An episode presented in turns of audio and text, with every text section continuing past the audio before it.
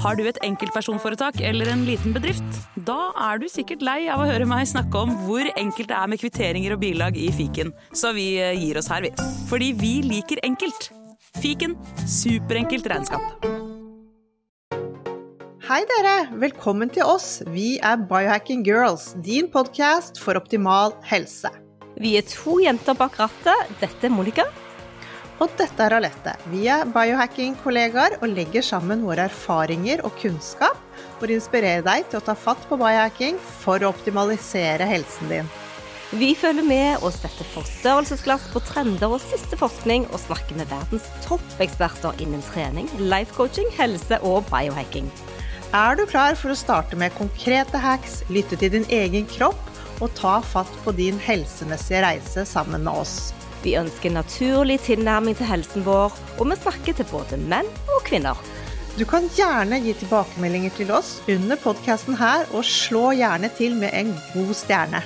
Du finner oss også på Instagram og Facebook. Er du klar? Velkommen.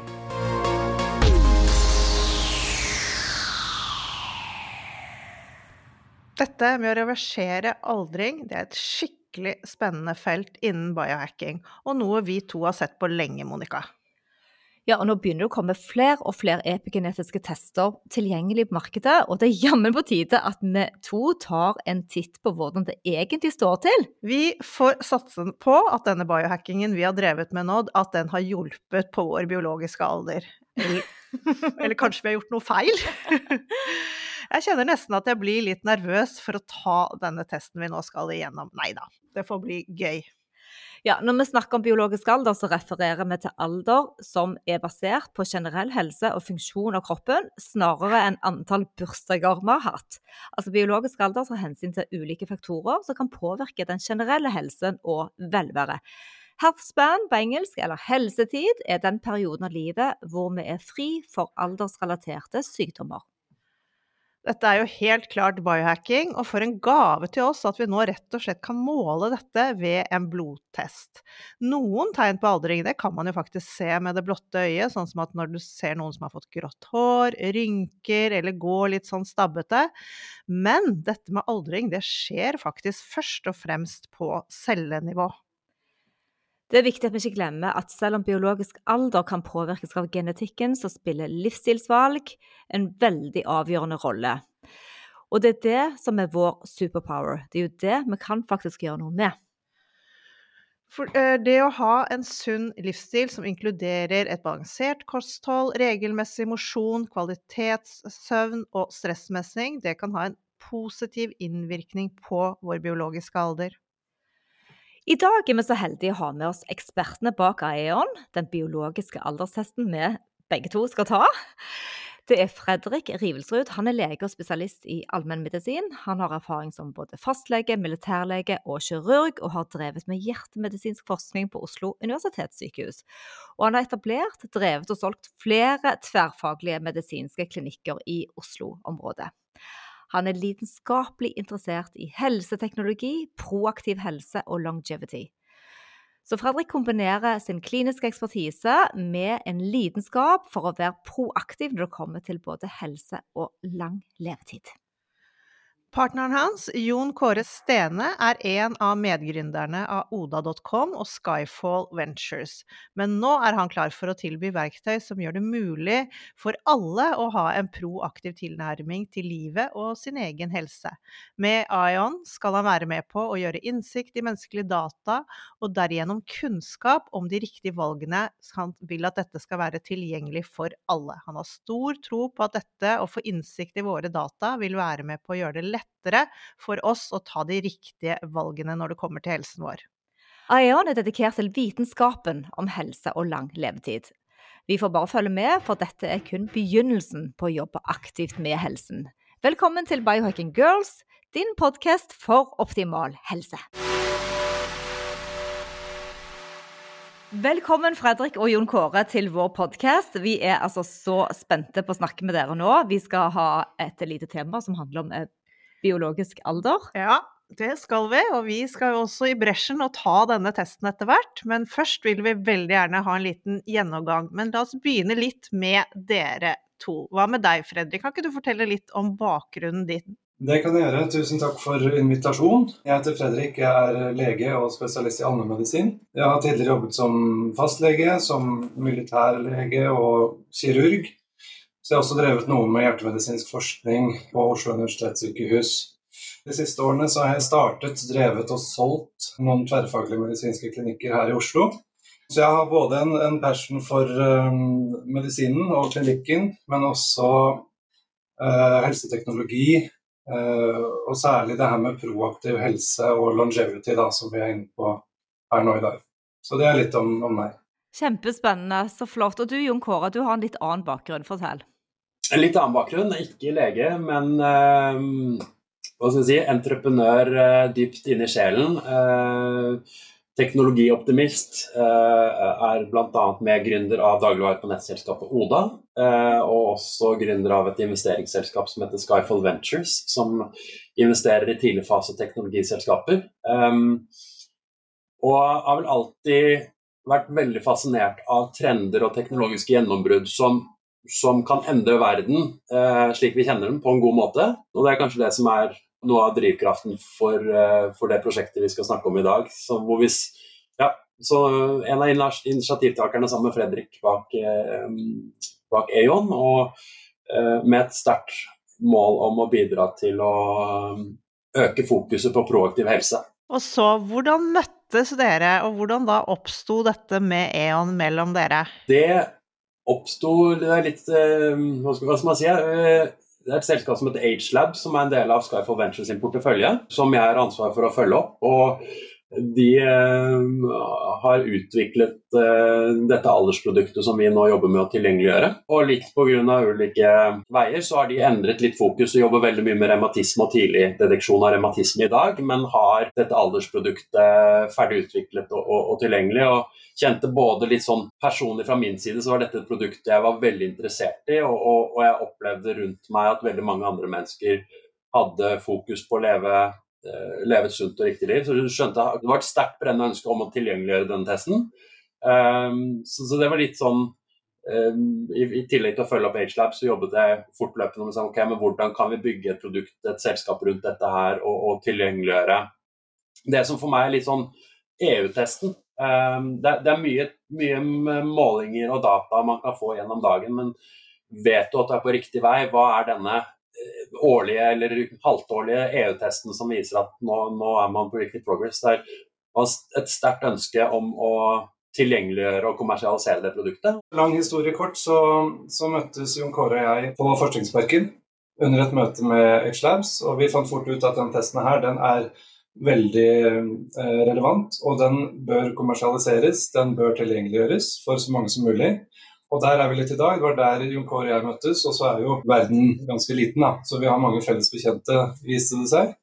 Og har funnet tonen og funnet et felles prosjekt som begge to brenner veldig for. Så det her gleder vi oss til. Så ja, Det var gøy, og gøy for meg som en entreprenør i det digitale, som, som er veldig bevisst på hvilke muligheter man kan uh, kan skape gjennom teknologi, eh, gjennom eh, apper og digitale virkemidler. Og da få lov til å snakke med en lege som visste, visste på en måte hva han snakket om når det kom til medisinske, var, var veldig spennende. Så vi, um, det var litt sånn starten på, på, på, dette prosjektet. Men vi ønsker å gjøre dette ikke bare til et biologisk aldersprosjekt, men uh, også inkludere ganske mange andre typer biomarkører. Og sånn sett, liksom, hvordan kan vi skape en digital tvilling til kroppen din?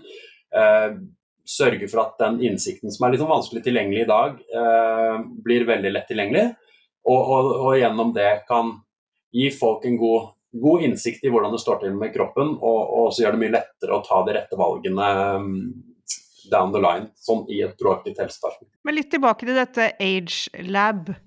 Eh, er det de som har utviklet denne EON eh, biologiske testen, og hvordan er det utviklet? Så Testen her er jo basert på en uh, Grim Age, som er en, en, algoritme eller en biologisk klokke. Så dette er jo utviklet av, av forskere og, og, tilgjengeliggjort. Så det, det AgeLabs har vært med å bidra med, er jo egentlig det underliggende logistikken i forhold til hva slags testkit trenger man, hvor får man gjort disse testene, hvordan har man en, en, en flyt med, med, både innsending av prøver og og analyse. Og så har de også bygd analysealgoritmer og har også et datasett man ser disse testsvarene opp mot. Så selve algoritmen og metoden er basert på, på tung forskning tidligere, og så er det Agelab som på mange måter bygget infrastrukturen som muliggjør denne testen her, og så jobber vi videre med å tilgjengeliggjøre den ut mot sluttkunde. Ja, supert.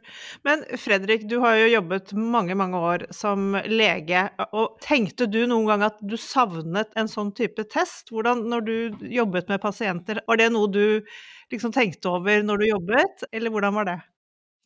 Absolutt. Ehm, det vi driver med her nå, er jo biologisk aldring. ikke sant? Og I utgangspunktet så ønsker vi å reversere biologisk aldring. Og da er det mange som tenker at Uff, det der høres jo øh, kontroversielt ut og uh, umulig, og her må vi snakke noe heksebrygg og noe, noe veldig sånn uoppnåelige greier. ikke sant? Fordi det her med veien til evig ungdom, det har vi snakket om i mange tusen år. Uh, det jeg har vært det jeg har savnet i mange år, er en, en slags diagnostisk test, eller en, en, konkret test som man kan gjøre for å faktisk måle det her. For I utgangspunktet så er jo ikke det her noe kontroversielt i det hele tatt. Det vi snakker om er jo eh, fornuftige tiltak, eh, gjøre endringer i livsstilen din, kutte ut usunne vaner, trene mer, ikke røyke. altså Egentlig ganske sånn fornuftige ting. Og det er det ikke noe nytt med. ikke sant? Det er god preventiv eller proaktiv helse. I dag så er jo helsevesenet basert på kurativ virksomhet. Man kommer til legen med et symptom eller en sykdom, og så gjør vi det vi kan for å reparere eller forbedre situasjonen. Det vi er inne på her, er jo gjøre noe med problemet lenge før det dukker opp. Kanskje kunne vi ha gjort noe med det hjerteinfarktet for 20 år siden. Hadde vi bare visst at du hadde anlegg for å få det, ikke sant. Eh, så et sånt verktøy har jeg absolutt savnet, og det har vi nå. Det er ikke fritt tilgjengelig for helseforetakene i Norge ennå. Det jobbes det med, eh, fordi vi har lite klinisk erfaring med det.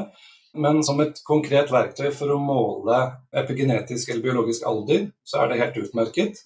Og vi kan også måle risiko for dødelighet, rett og slett. Selv om det høres dramatisk ut, så er det egentlig det vi driver med. Tidlig død. Så hvordan er responsen blant dine legevenner med denne testen? Veldig godt spørsmål. Det er jo sånn todelt. ikke sant? Det er toegget sverd. Mange bransjer er jo litt skeptiske til alt som er nytt. Og det er forståelig, og det tror jeg er sunt. Jeg tror man skal være sunt skeptisk til en del nye teknologier.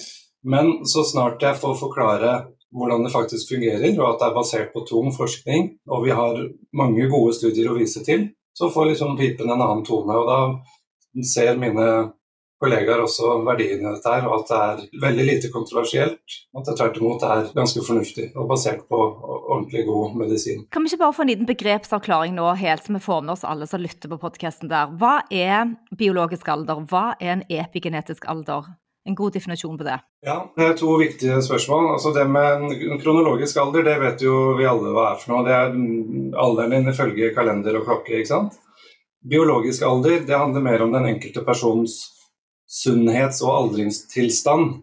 Eh, og det blir litt sånn ullent, ikke sant. Men det er mange måter å måle den biologiske alderen din på. Den kan beregnes via ulike metoder, sånn som eh, klinisk vurdering, klinisk undersøkelse. Vi kan måle fysisk og kognitiv funksjon via sånne screeningmetoder som vi leger har brukt i mange år. Det som er gøy nå, er at vi har fått en ny teknologi som er konkret og basert på en liten blodprøve i fingeren din, som kan måle biologisk alder ut ifra epigenetikk.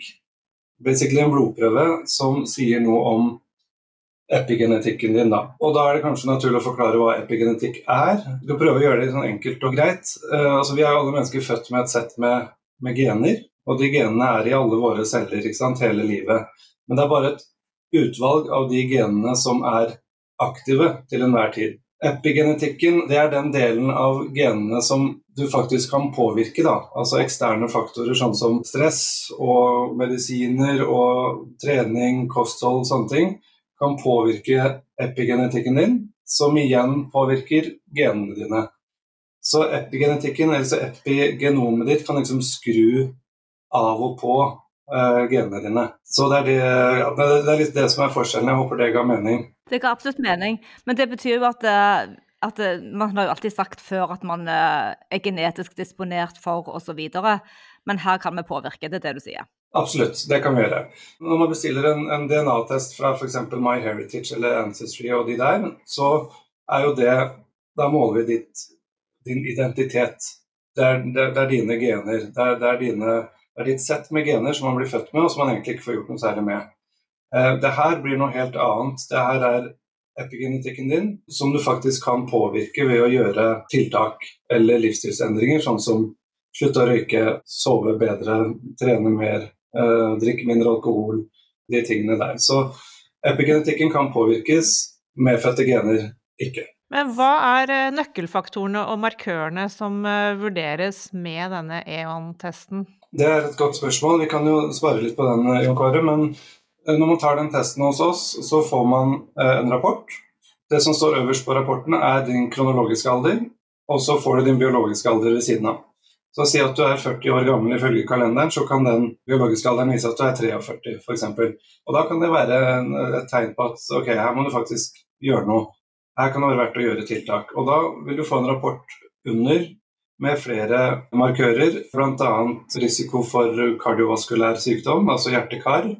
Eh, risiko for cancer, risiko for tidlig død. Den kan si noe om status på treningen din, hvor flink du er til å trene, eh, hvor regelmessig du trener. Den kan si noe om kostholdet ditt sammenlignet med et anbefalt middelhavskosthold eller diett. Og det kan også si noe om telomerlengden. Det kan vi komme litt tilbake til senere. Du får din biologiske alder, som er beregnet ut ifra et epigenetisk mønster. Og så får du ikke bare det, men du får liksom en forklaring på hvordan man har kommet fram til, til den alderen. da. Og um, en av uh, tegn på aldring er jo da betennelse. Vil han måle betennelsesmarkørene òg? Ikke direkte. Den måler ikke inflammasjonsmarkører. Det kan vi komme litt tilbake til senere, men det er en av de biomarkørene vi skal legge til senere. Det er jo flere ulike biomarkører på inflammasjon, da, eller betennelse, kronisk betennelse. Så det er, det er, noe av det vi skal legge til uh, av, av, funksjoner og teste senere. Og denne testen den tar du hjemme. Du stikker deg i fingeren eh, med en liten sånn nål og drypper blod på et papir og sender inn, og hva skjer da? Godt spørsmål. Da blir den sendt eh, videre til vårt uh, samarbeidslaboratorium i Tyskland. Uh, de mottar testen der og gjør sine analyser. Så går det noen dager, og så får du som kunde beskjed at nå er testen din ferdig analysert, og da får du tilsendt en rapport. da. Den rapporten som vi er um, inne på nå. Um, så, så, det er egentlig gangen. altså Man bestiller testen på hjemmesiden vår, får den sendt hjem til seg selv. Uh, alt utstyr du trenger, følger med ferdig frankert konvolutt, legg den i postkassa, og så tar vi oss av resten. Kan alle mulige mennesker ta denne testen? Hva hvis man går på mye medisiner, og hva hvis man er syk? Eh, ja, ja dårlig dagsform. Ja, dårlig dagsform. ja, det er veldig, veldig relevant spørsmål. Eh, I utgangspunktet kan alle ta den. Vi er jo litt sånn at eh, Barn bør kanskje ikke gjøre det. Det bør jo være folk som kan ta hånd om resultatene på en forsvarlig måte. Så vi anbefaler ikke barn å gjøre det. Men ellers så kan i utgangspunktet alle gjøre det. Eh, det eneste er at man bør være i sin habituelle tilstand, altså man bør være i god form og frisk og rask, sånn som man pleier å være. Eh, dumt å ta den hvis man sitter med en, en stygg influensa f.eks., eh, eller nettopp har brukket et bein. Sånne ting. Alt som kan påvirke immunforsvaret ditt på en eller annen måte. Da bør man kanskje vente litt til man er fit for fight igjen. Så er det noen få medisingrupper som kan påvirke testen, og det er typisk eh, immunsupprimerende medisiner. Eh, sånn som noen tar for autoimmune sykdommer. Det kan være eh, psoriasis eller eh, leddgikt og sånne ting, men de som tar den type medisiner, vet, vet om det. Kjemoterapi, altså de som undergår kjemoterapi for kanser, bør uh, vurdere testen, for det, det, igjen vil jo påvirke immunforsvaret. Så Det er jo egentlig de to gruppene. Og så er det noen medisiner som påvirker epigenetikken, men de er så sjeldne at det er nesten ikke verdt å nevne det. Det er typisk immunsupprimerende og kjemoterapi. Da. Eller så kan hvem som helst ta testen. Graviditet er også noe å tenke på, for det er også en, en prosess som påvirker immunforsvaret til en viss grad. Så kan man, kan man, ta det før graviditet, eller rett etter, så er det en fordel. Ja, Og dette tar seks uker før du får svar? Ja, det er ca. seks uker det tar. Det kommer litt an på, på kapasiteten på laboratoriet og, og logistikk med posten osv. Men seks uker vil vi påstå er maks. da. Vi, vi pleier å si tre til fire uker. Det er litt morsomt med å drive med nybrottsarbeid og, og, og, ting som fortsatt er i litt sånn lavere volumer. Men jeg tror liksom, en, en, viktig komponent med å tilgjengeliggjøre dette her for mange handler også om å liksom, begynne å få volumet på, på, ting. Så jeg tror jo, jo flere jo flere tester som går ut og jo, jo større volum, jo, jo, raskere vil også svaret komme. Så, så, for de som er lengst frem i skoene og gjerne kanskje deres lytterskare, så tenker jeg at man er sikkert litt tålmodig for å vente på godsvar. Men jeg tror det er en av grunntankene våre. Klarer vi å tilgjengeliggjøre dette, allmenngjøre dette, her, få økte volumer, så vil også eh, servicetid og, og ventetiden gå ned. Selvsagt. Men det er jo nå kommet ganske mange sånne biologiske alderstester på markedet. Hva skiller E.ON fra disse andre? Ja, det er også et godt spørsmål. Det er øh, øh, flere ting vi gjør annerledes. Uh, og det er noe med at uh, For det første så tar vi blodprøve, og det er et viktig poeng, for en del av de testene der ute baserer seg på spytt. Og det har vist seg at blodprøvene er langt mer presise. Så det er kanskje det viktigste poenget. Jeg nevnte det her med at det vi egentlig driver med, er å måle epigenetiske mønstre. ikke sant? Og det vi egentlig gjør da, er å måle disse målepunktene i DNA-et, såkalte CPG-steder. Og noen av de andre testene de baserer seg på veldig få sånne CPG-målepunkter. Mens den testen vi bruker, måler, som beregner resultatet ut fra veldig mange sånne målepunkter. Kort fortalt så er vår test veldig presis og best dokumentert. Og vi bruker også den best dokumenterte biologiske klokken, altså um, algoritmen som ligger bak, den som heter Grimage. Det er den beste klokken der ute. Så lang historie kort, så er det den mest presise og i all beskjedenhet den beste testen. Hvor mange testpersoner eh, finnes det til nå i deres eh, stall? Rundt oss er det vel opp mot, mot 50-talls. Eh, men ser du på hele populasjonen rundt med, med Agelab, så begynner man å nærme seg 500-600 da i hele Europa. Så tror jeg som en viktig kompetent, Hvis du ser i USA, så er det også en del tilsvarende tester som bruker samme metode og samme algoritmer. Intensjonene våre er altså tilgjengeliggjøre dette, sørge for at du kan gjøre dette i Norge hvis du bor i Norge, men også gjøre det nærmere eh, hjemmemarkedene for både i Norge og Norden og Europa. Istedenfor å bestille fra USA f.eks., så kan man nå få tak i dette i Norge. Men er det da noen av disse hundretalls menneskene som da har testet andre biologiske aldertester for å se og sammenligne? Der vi har ikke kommet såpass langt ennå, så, så, dette er mer eh, litt sånn i forhold til å se hva Det er mye de like samme type algoritmene som vi ser at noen av de ledende aktørene, spesielt i USA, USA bruker. Så, men eh, ikke kommet så langt ennå. Testen vår er mer nøyaktig. altså Hvis du tar to like tester med en annen type eller en annen leverandør, så kan resultatet sprike veldig. Med de testene våre så får du veldig likt uh, tilsvarende svar. Da. Så den er, den er mer presis. Jeg vil bare også spørre, siden vi er inne på den testingen her nå, og biohackere liker godt å undersøke. Det finnes jo òg epigenetiske klokker og eh, Garmin. Det er andre måter å måle eh, biologisk alder på. Hvor, ja, hvor stor prosentdel er liksom verdt å basere seg på av de svarene du får der? Jeg tror Det handler litt om hva det måler og hva det måler opp mot. Dere kjenner sikkert også godt til Brian Johnson som må se på alle de parameterne og biomarkørene han måler på. Og, og Der har du ulike referansegrunnlag, og ulike biomarkører kan gi ulikt svar. Hvis du ser på Garmin, f.eks. O2 Max, den, den alderen du kan få gjennom Eh, VO2 Max på Garmin-klokken handler om et referansegrunnlag på mennesker i populasjonen, hvilken, hvilket oksygenopptak de har. Så, så, sånn sett så er det viktig å si at det vi måler i denne testen her, er jo metyleringsgraden på DNA-et ditt. Dvs. Si at hvordan ser epigenetikken din ut? Og, og selv spesielt David Sinclair, som forfatteren bak Lifespan, som, som uh, har vært en, en foregangsfigur for denne type testing, som ser at i forhold til forskning så er det å måle metyleringsgraden på, på, DNA er en av de målemetodene som mest samsvarer med aldring. Går det mer konkret ned, så er det jo metyleringsgrad i DNA vi faktisk måler med den testen her, men så ser man også at gjennom forskning så er det den, de type testresultatene som samsvarer best med aldring, og sånn som blir definert som gullstandarden i forhold til biologisk aldring, og som også er en av de, hovedparameterne som Brian Johnson eksempel, måler på når han snakker om hvilken grad eh, hans alder reverseres eller akselereres, og hvilken biologisk alder han har. Og Det som er litt interessant også med den klokken vi bruker, er at det er ikke noe data på at de andre klokkene kan reverseres, men det kan du med den her. Altså vil si, med de andre klokkene så kan du gjøre så mange tiltak du bare vil. Men det endrer ikke nødvendigvis utfallet av alderstesten. Da. Men med den klokken og den metoden vi bruker, så kan du få en biologisk alder gjøre tiltak, og så vil du se at den biologiske alderen faktisk reverseres og går ned. Litt tilbake, kan dere forklare metylering for lytterne våre? Ja, ja det, kan jeg, det, kan jeg, godt gjøre. Vel, altså, prosessen er en del av det. Altså at genene skal kunne repareres, og at epigenetiske mønstrene er assosiert med fremtidig helse, uavhengig av andre risikofaktorer. Sånn at epigenetikken de, de bærer med seg tegn på at ting kan skje i fremtiden. Så det er litt sånn at genetikken de lader pistolen, mens miljøet rundt trekker i, i, i avtrekkeren. Da. Så disse små metylgruppene, som vi kaller det, det er liksom små kjemiske markører. Og de blir brukt rutinemessig av cellene dine til å skru genene av og på. Det er egentlig der metyleringen kommer inn.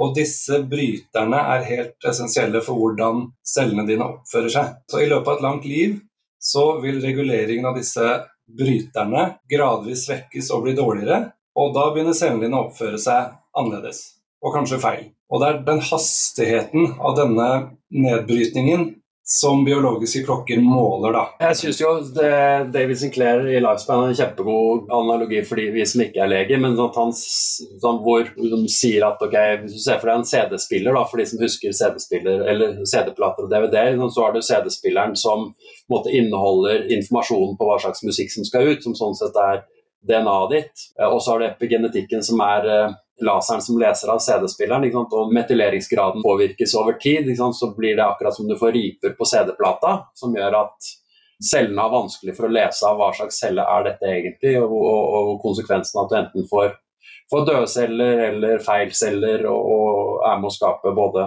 inflammasjon i kroppen, men også andre typer reaksjoner som ikke skal til. Så det er jo egentlig målet hvor, hvor slitt er denne CD-plata, er det vi gjør med denne testen. Og så er vi jo interessert i å finne disse bryterne som stopper aldringen vår, da, f.eks. M2. Ja, og det er litt det man ser inn med kanskje mye av de tiltakene som, eh, som er populære i dag, som går på autofagi, som både mTOR og så er det vel AMPK og Sirtwins og mye um, begreper her. Men klart, det, over, over, på tiltaksbiten så ønsker man jo da synliggjøre, eller egentlig sette i gang tiltak som, som er med på en måte å enten hindre enkelte prosesser i cellene. Eh, mTOR er vel en vekstprosess som man ønsker å redusere, eller så er det en del andre prosesser som har en eh, helende effekt i forhold til celler som ikke er som de skal. Da. kommer man inn på behandlingsspor og, og for mye, mye, av de interessante tingene som dere tester ut og, og jobber med. Og Der er det jo veldig mye spennende som skjer uh, med tanke på medikamentell behandling av, av det her, og bruk av uh, veletablerte medisiner for å reversere aldring. Da. Det, det, det, skal vi kanskje være litt forsiktige med å uttale oss for mye om, for da blir det plutselig kliniske råd. Men, men vi er mer der nå på, på den livsstilsbiten av det. Altså klassisk uh, proaktiv helse med å, å gjøre grep i hverdagen, da, som trening og sove bedre og liksom, ikke røyke og, og, de tingene der. Så det den testen fungerer veldig godt som, syns jeg personlig, og de som har prøvd og de jeg har snakket med, den, den, fungerer veldig godt som en motivator. Eh, folk blir ordentlig motivert, meg selv inkludert. Jeg var ikke fornøyd med mitt resultat. Uh, skal ikke nevne noe tall, eller men jeg var ikke fornøyd med resultatet og allerede begynte å ta grep. Så, så sånn sett så funker det veldig bra.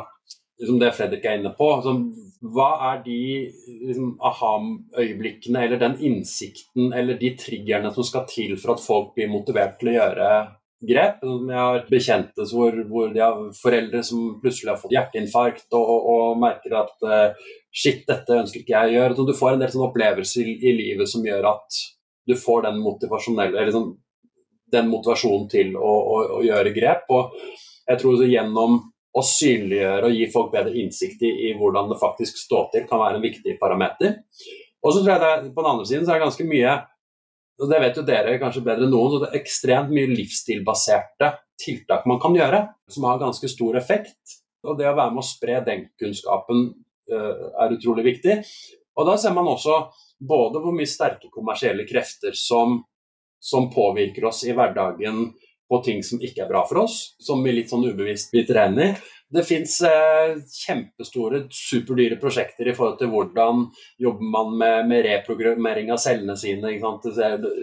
Sånn longevity startups i USA som eh, bruker milliarder av dollar på å virkelig forstå hvordan man skal reversere disse prosessene. Men jeg tror også det er så mange enkle grep som vi ikke er helt bevisste på. Eh, hvor kan vi være med og bidra og gi folk den innsikten og litt det derre det statusbildet i kombinasjon med å gjøre en viktig liksom, opplysningsjobb, som, som, dere på en måte er foregangsfigurer på, på, Det trenger ikke være så himla vanskelig, og så får man heller og, over tid eh, gjøre grep. Da. Men um, litt det å være med og, og bidra til at folk får øynene opp. Og så tror jeg at Én ting er jo for de menneskene som Uh, som har en, en, akselerert aldring. Det vet man jo er et veldig sterkt signal på at ting er på, på, vei i feil retning. Jeg tror For min del så handler det egentlig om et sånn optimeringsønske. Jeg husker jeg var hos en Jeg skal ikke navngi hvilken legetjeneste det var, men det var på en måte en sånn uh, Blitt over 40 år, må ta liksom, helsesjekken, den årlige helsesjekken, og så sitter jeg og prater med en lege som, som ser på meg og stiller meg spørsmål, og jeg svarer eh, stolt at jeg er frisk og fin og rask. Og han ser på meg og lurer på hva gjør du her? Hvorfor bruker du 2000 kroner på Du er jo frisk, er du helt, er du helt dum? Og så kjenner jeg bare den vanvittige forskjellen i forventning, for jeg kommer jo der inn og har lyst til å få innsikt. Hvordan kan jeg bli bedre, hvordan kan jeg optimere meg, hvor er det jeg skal prioritere? Uh, og så er møtet jeg får et helt annet. Og det tror jeg er en av våre sterke intensjoner med dette prosjektet. er Hvordan kan du skape det proaktive helsetilbudet hvor du faktisk både får god, eh, god guidance på, på, hvor du skal, men også, um, også noen som møter deg med, som skjønner at ja, men, man ønsker å optimere sin egen helse, for man har lyst til å leve et langt og, langt og sunt liv. Ja, det er veldig veldig godt innspill der. Så Hvis vi bare skal oppsummere litt. Det første er jo å få plass, eller få en motivasjon til å ta fart på et helsearbeid. For å kunne ta denne testen, så har vi et verktøy som vi kan jobbe med. Og så når vi skal gå inn og vurdere resultatene, så handler det om å eliminere de bryterne som gjør at vi eldes fortere pluss aktivere kanskje en del ting. Kan vi ikke snakke litt om hva man kan aktivere, da? Type veksthormoner, eller når man driver med faste og trener litt og kutter ut litt sukker og alkohol, så er det jo nye prosesser som skjer i kroppen. Vi må jo ikke glemme den si, klassiske medisinen oppi der heller. altså Spiser man for mye raffinert sukker, så er jo ikke det bra. Da har du jo en økt risiko for diabetes. Det er kjent. Og diabetes igjen har jo Eh, en hel kaskade av risiko. Det er jo fryktelig mye som kan gå gærent med et ukontrollert blodsukker. Så, eh, og når det gjelder alkohol og de tingene der, så er jo det også egentlig ganske komplekst hvordan alkohol skader kroppen.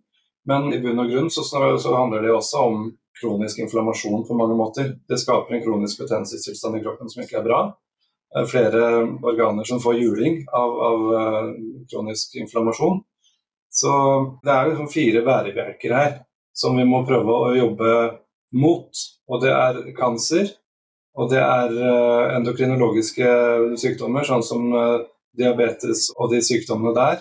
Og så må vi jobbe vår vei nå. Glemte jeg hjertekar? Jo Kåre? Hjerte-kar må vi huske. Det er de, de, de four, four uh, horsemen. ikke sant? Så det er de fire, fire, liksom, fire store gruppene vi, vi, aktivt ønsker å jobbe mot. Det er nevrodegenerative sykdommer, altså sånn som Alzheimer, demens og sånne ting. Det er endokrinologiske, sånn som diabetes og andre metabolske sykdommer. Det er hjerte-kar, og så er det kancer. Klarer vi å få, få, få de fire uh, hingstene der under kontroll, så er mye gjort da. Uh, for det er liksom de fire vi absolutt ønsker å unngå i det lange løp for å, for å leve lenge. Og Da kan den testen her uh, være en god inngangsport til å se hvordan det står til. Og så kommer vi til å legge til andre markører. Og, og, så tror jeg også det liksom, litt av Man kan på mange måter si at det er litt sånn nybrottsarbeid, og man fortsatt er litt langt framme i skoen på ting. Men jeg tror det å tilgjengeliggjøre denne type tester, også i kombinasjon med andre blodprøver som gir deg et sånn større sett med biomarkører, og begynne å se sammenhenger her, gjør at man også vil lære mer om sånn, det, er jo, det, er jo, en del tiltak i dag som er anbefalt, som både går på livsstil, som går på om det er metformin eller rapam, rapamycin og reservatrol og en del av disse eh, tilskuddene. Men jeg tror det som er fascinerende, altså når man klarer å øke volumet her og, og, og, igjen så få enda mer testdata Jeg syns det var fascinerende med, med, den boka 'Yngre' som kom ut nå, med Hanne Finstad. Hvordan hun, hun, har gjort sitt eksperiment eh, på seg med en del grep. Um, og, og, og ser du grepene hun beskriver i sin bok, og som hun har jobbet med, så er det veldig mye i tråd med det eh, spesielt eh, David Sinclair snakker om, også til en viss grad Peter Atia og andre andre eksperter innenfor dette området. her, Men det er ganske spennende sånn, eh, data jeg tror også vi kommer til å sitte med over en tid framover nå, i forhold til hvilke tiltak som, som, kan gjøre hva. Vi har flere av de som er kunder av Eon i dag som, som ja, jeg sitter med en lang liste med, med, med, tiltak og har en protokoll jeg har lagd som jeg er klar til å følge, men som liksom ventet at de vil ha denne testen først. og så er klar til å komme i gang og, og ja, få gode måleparametere. Så det er kanskje det som har vært litt, vært litt vrient. at tilgjengeligheten til de gode, gode målparameterne. Det har ikke vært så veldig tilgjengelig, så det er jo det, det vi, vi, håper vi kan bidra med nå. Og, og, og, jobber også med å samle et community med mennesker vi vet er klare og, og interessert i å gjøre mye tiltak. Og, og, se kan vi være med å bidra til innsikten i forhold til valgene vi tar og, og framdriften. Flott. Eh, Fredrik, du var inne på telomerene. og Da lurer vi litt på betydningen til telomerene i aldring og i helse, altså levealder. da. Hva, hva har det å si? Kunne du hjelpe oss litt her? Ja, prøver ikke å bli for teknisk igjen, da, men det, det med telomere det er jo en del av, av eh, kromosomene våre. Det er en struktur i hver ende av kromosomene. Eh, man ser for seg kromosomene som den X-en nærmest, ikke sant? og så er det masse sånne spiraler. Og på hver, på, på, I enden av hver av de kromosomene så sitter det telomerer. Og telomerene inneholder én repetert DNA-sekvens som er helt nødvendig for å stabilisere kromosomet og beskytte mot uregelmessig eh, reparasjon, eller rekombinasjon, som det så fint heter. da. Så telomerene er der for å liksom, beskytte kromosomene våre, kan du si. Eh, telomerene inneholder ikke gener. Eh, det er det liksom resten av, eh, av kromosomen som gjør. Eh, og så er det sånn at etter hvert da, med årene, når lengden på disse telomerene telomerene blir kortere for hver celledeling, det er viktig å si.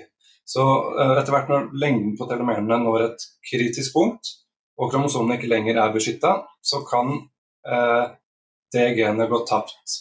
Eller det kan bli bundet sammen med et annet kromosom. Og det her vil medføre at cellen dør. Altså. telomerene har en viktig rolle i celledeling og programmert celledød. Celler som vokser uhemmet, det vet vi, det, er, det kan ende opp i, i kancer. Uh, så Derfor spiller telomerene en veldig viktig rolle i kroppens aldringsprosess. Da, og beskytte mot ukontrollert celledeling, kreft og, og død. Um, ja, så, det, så det, det, er jo der telomerene kommer inn i, i aldringsprosessen, og det er derfor også er relevant å, å måle det, eller måle lengden på det.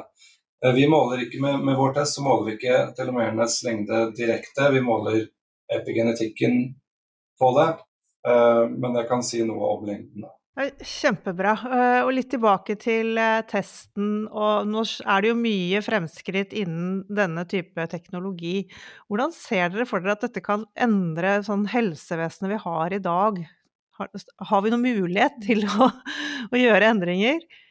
Jeg I tillegg til å jobbe med Agelab, så jobber vi også med en del andre samarbeidspartnere som uh, utvikler både metoder, algoritmer og, og, hjelpemidler her. Jeg tror det som slår meg, jeg husker Da jeg var liten, så lærte vi en sang om at utenpå er vi forskjellige, men inni er vi like. Men, men jo mer liksom, dykker ned i dette her, så er det nesten motsatt. Utenpå så er vi ganske like, men inni er vi veldig ulike. Og det, som er interessant, er når du begynner å kombinere genetikken din, hva er det du er disponert for, eh, har du risiko for enkelte ting eller ikke. Kombinere det med epigenetikken din, som sier mye om livsstil og hvilke ytre påvirkninger og miljø, eh, men også sette andre eh, sette andre biomarkører. Altså når du begynner å samle dette her og koble på maskinlæring, koble på AI, koble på tilgjengelighet til forskningsstudier som finnes der ute, vi lever i en samfunnsutvikling hvor, hvor, vi må ta vare på oss selv mye lenger. Det, det er ikke nødvendigvis at det står noen og venter oss på et gamlehjem når, når vi kommer dit. Men så på den ene siden så kommer det verktøy som gjør det enklere for oss som individ å ta enklere valg, men jeg tror spesielt for leger og for helseapparatet så tror jeg de vil kunne sitte med innsikt og data til å behandle oss på helt andre måter enn det vi har i dag. Det er, det er jo litt sånn fascinerende at du kommer til legen og så sier du at jeg har litt vondt her og der, og så sier han 15 minutter prat, og så går du og tar en blodprøve, og så får du svaret etter. Som gjør at innsikten du har i en konsultasjon, er jo egentlig basert på, på ganske mye synsing og, og, vurdering, gitt i motsetning til det vi nå ser begynner å komme av nye verktøy og, og hjelpemidler. hvor litt tilbake til dette med, med en digital tvilling. Du begynner nå å få innsikt i hvordan du som menneske både er fra et genetisk ståsted, men også hvor du er en helsetilstandsmessig, som jeg tror vil være ganske dramatisk i forhold til muligheten for, for hvert enkelt individ å, å, passe på egen helse, men også for helsevesenet å, øh, å, behandle oss mye mer effektivt, mye mer riktig. Jeg tror også det. Jeg tror, jeg tror det her har potensial til å, til å Jeg tror tankegangen, eh, mindsettet her, har, har eh, potensial til å endre eh, helsevesenet. Og, og det, det, bør skje noe også. ikke sant? Vi blir, vi blir eldre og eldre, og det kommer en eldrebølge nå som ikke er helt rustet til å ta imot, tror jeg. Og da er det jo greit å kunne ta en del sykdommer tidligere.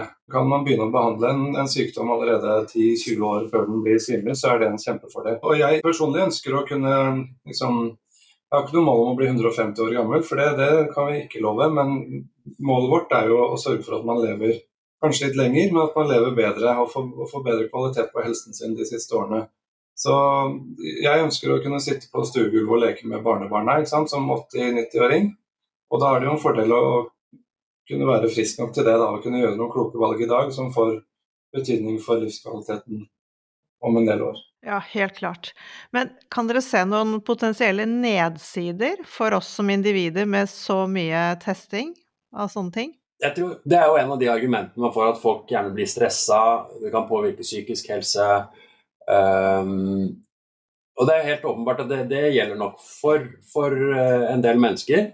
Um, personlig så er jeg veldig interessert i å vite. Hvis jeg, hvis jeg, kan gjøre valg nå som jeg vet kommer til å ha en positiv effekt om 20-30 år, så vil jeg mye heller vite det nå og kunne gjøre noe med det enn ikke. Så, så er ofte um, når vi jobbet i Oda, så hadde vi et kundesenter, og ofte når jeg møtte de som jobbet på kundesenteret, så sa de at okay, det, det, alt er krise, det går jo, går jo helt eh, nedenom hjemme og alt mulig. Men de, de, var jo eksponert for de kundene som hadde fått en dårlig opplevelse, som kanskje var under 1 av, av totaliteten. Og jeg tror det er liksom samme for fastlegene, som gjerne møter de som eh, har behov for å, å, å, komme til fastlegen og snakke med en. Så, så, på mange måter kan du si at de også møter noen av de menneskene som, som kanskje lar seg stresse av, av dette her. Men eh, Så der tror jeg som Der er nok folk forskjellige. Men, men, så er det litt sånn tilbake til det. Og, og sånn ser du helsevesenet i dag, og, og, og, takk Gud for det helsevesenet vi har som tar vare på oss når vi er syke. Men så ser du også en av årsakene til at vi lever lenger i dag, er ikke fordi at vi har så veldig mye bedre helse, men fordi at vi klarer å reparere oss når vi har blitt syke. Um, men det er også forbundet med vanvittige kostnader. Det ene er liksom demografien og hvor mange mennesker er til å passe på. Men du ser vi bruker jo hinsides mye penger også i offentlige utgifter. Så, så det er mer sånn derre Kan man være med å bidra til et mindset-skift, hvor det å tenke proaktivt, da, og ikke liksom bare fem år før det nødvendigvis skjer noe, men, men 20-30 år før ting skjer Liksom, det er ve ve veldig inspirert av um, uh, healthspan-begrepet til Peter og Tia. og um, Det handler ikke nødvendigvis om å leve så himla lenge, men det handler om å leve med en høy kvalitet. Og, og, og der tror jeg vi er avhengig av å bidra til et mindset-skifte i hele populasjonen.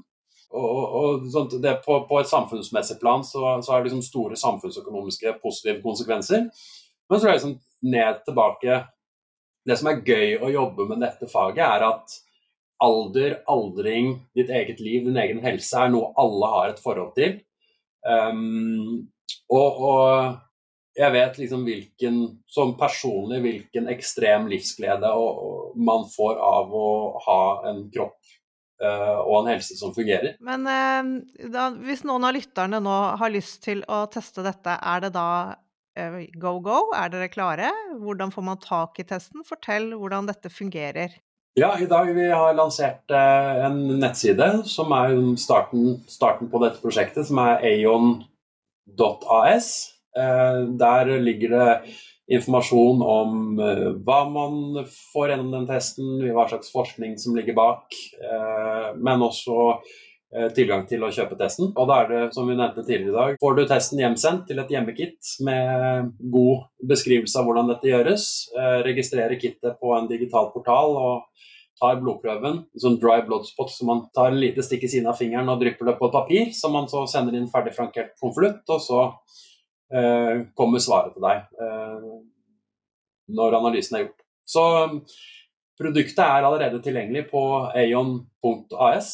Så har du lyst til å få de samme verktøyene som Brian Johnson og Anne Finstad og andre som eh, hacker sin egen alder i, i håp om å bli biologisk yngre, så, så er muligheten der.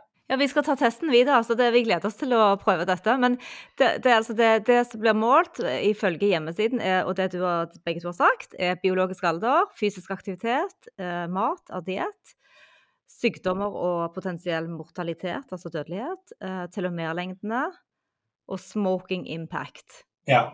Det er sånn i generelle termer hva vi måler, og så er det litt mer detaljert eh, Det kommer fram etter man har tatt testen, men det er en litt, litt mer detaljert eh, rapport.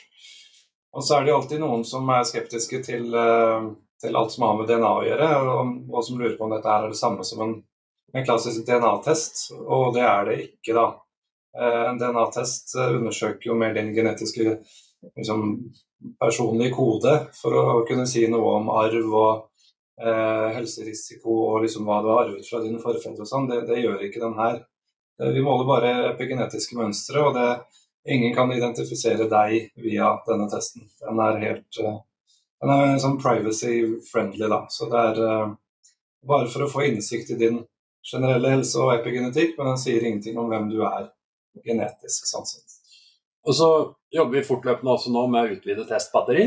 Uh, vi har en et blodprøvebatteri. Vi jobber med en del fysiske tester som, som også skal tilgjengeliggjøres. Og så er det er vi veldig opptatt av å utvikle dette sammen med kundene våre. Og, og er ganske tett dialog med de første kundene i forhold til både å få tilbakemeldinger og, og, og hvordan de opplevde at dagens produkt var, men også i dialog med hva slags tjeneste er det vi skal utvikle videre framover. Og det, det syns vi er spennende med de første kundene, som vi også ønsker å ha god, tett oppfølging med. og sørge for at vi, vi fortsetter å utvikle et produkt som, som samsvarer med våre framtidige visjoner om å gi folk innsikt til å ta de gode valgene. Men vi må, vi må bare spørre her nå når vi nærmer oss slutten, på noen suksesshistorier. Hva, hva, er det råeste dere har sett i forhold til sånn reversering av alder i tall av det dere, dere har vært gjennom? Ja, jeg må si jeg ble, synes det var veldig kult å høre fra Hanne Finstad som kom med boka 'Så yngre', Eh,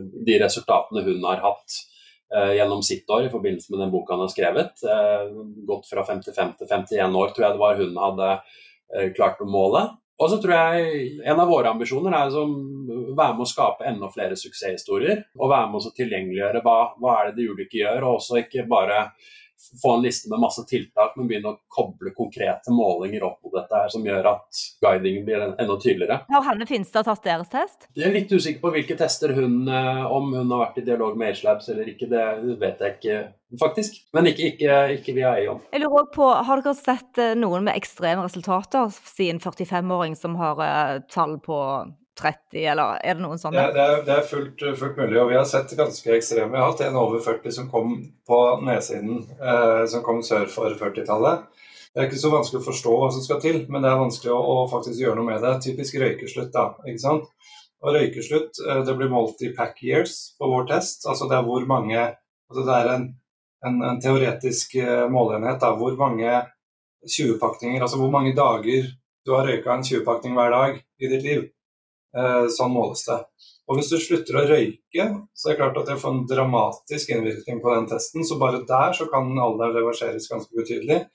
Hvis du endrer kosthold til mindre metta fett og begynner å få en diett som ligner mer på middelhavsdietten, og du begynner å trene og gjøre sånne ting, så får du betydelige resultater. Og Det er det som er morsomt her. ikke sant? At Du kan rett og slett måle din biologiske alder og reversere den med riktige tiltak. Opp mot 30 i reduksjon fra baseline er vel det som, eh, mm. som er eh, det hotteste resultatet fra Rejuvenation Olympics. Brian Johnson ligger vel på en 15% tror jeg, i forhold til hva, hvor, hvor, han var og hvor han er nå. på denne type klokker. Men bare i og med at du snakker om røyking, i, i Norge er det så sykt mange som snuser. Er det det samme med det? Nei, det er ikke det samme det kan ikke måles på. seg. jeg skal ikke si at det er bra å snuse, det er ikke det, er ikke det men, men det, er, det, er, langt bedre.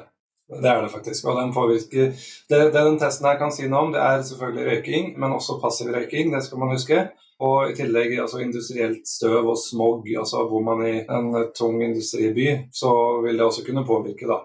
Og Det er det noen som har gjort i sitt liv, ikke sant? som ekspat eller student eller noe sånt. Så det vil også kunne påvirke. Men hva om du røykte i ungdomstiden, og så sluttet du, og så har det gått liksom 20 år, og ikke røyker lenger. Har det noe å si da? Vil det spotte det òg? Spør du for en venn, eller? Spør for meg sjøl. jeg røykte litt da jeg var på sånn ungdomsskole, du vet, sånn, skulle teste ut og sånn. Ja, jeg skjønner. Det avdekkes. Det går nok fint, Monica. Ingen fare. Det, det, viktigste er at eh, vedkommende slutta, og det har alt å si. Så kroppen reparerer seg selv i stor grad, så det er kjempebra. Du, Fredrik, du er lege, du, så du skjønte at jeg hadde en liten agenda her. Jeg har vært ute en vinterkveld før, jeg som er vanlig. Ja, ikke sant. Jeg er litt spent på denne mettet fett, for det spiser jo vi mye av, og vi syns jo det er viktig. Ja, absolutt. Det handler om en balanse, da. ikke sant? Å finne en diett som, som passer, passer deg. Dette var kjempespennende. Vi har jo da en uh, kommende kongress. altså Vi har Biohacking Weekend den 7. april, og vi håper jo at vi ser dere der. fordi uh, her er det jo et uh, fellesskap med folk som tenker som oss. Ja, dere må absolutt komme. Det blir gøy. Det skal vi gjøre. Vi stiller opp. Tusen takk. Da skal vi legge link til hvor dere finner testen der hjemme. Og håper at eh, flere har lyst å kaste seg rundt og ta testen. Hva med deg, Alette? Du, eh, Monica, nå er det bare å få tatt den testen, så vi kan ha en ny podkast når vi har gått ned drastisk i alder. Ja, vi får, vi får, hente dere inn igjen når vi har eh, sett resultatene våre, så skal vi analysere de sammen. Høres ja. det bra ut, da? Det høres bra ut. Men det er, dere setter lista høyt, vet du, dere som lever så sunt og, og fornuftig. er for, forhåpentligvis allerede på et godt, godt nivå. Men spennende å se. Alltid rom for forbedring. Med tilhørende prestasjonsangst, må ja, man si. det, er derfor vi gruer, det er derfor vi gruer oss sånn. Nei, vi stiller opp neste runde også, vi. Ja, det er bra. Tusen takk. Da gjenstår det å si helt til slutt happy biohacking.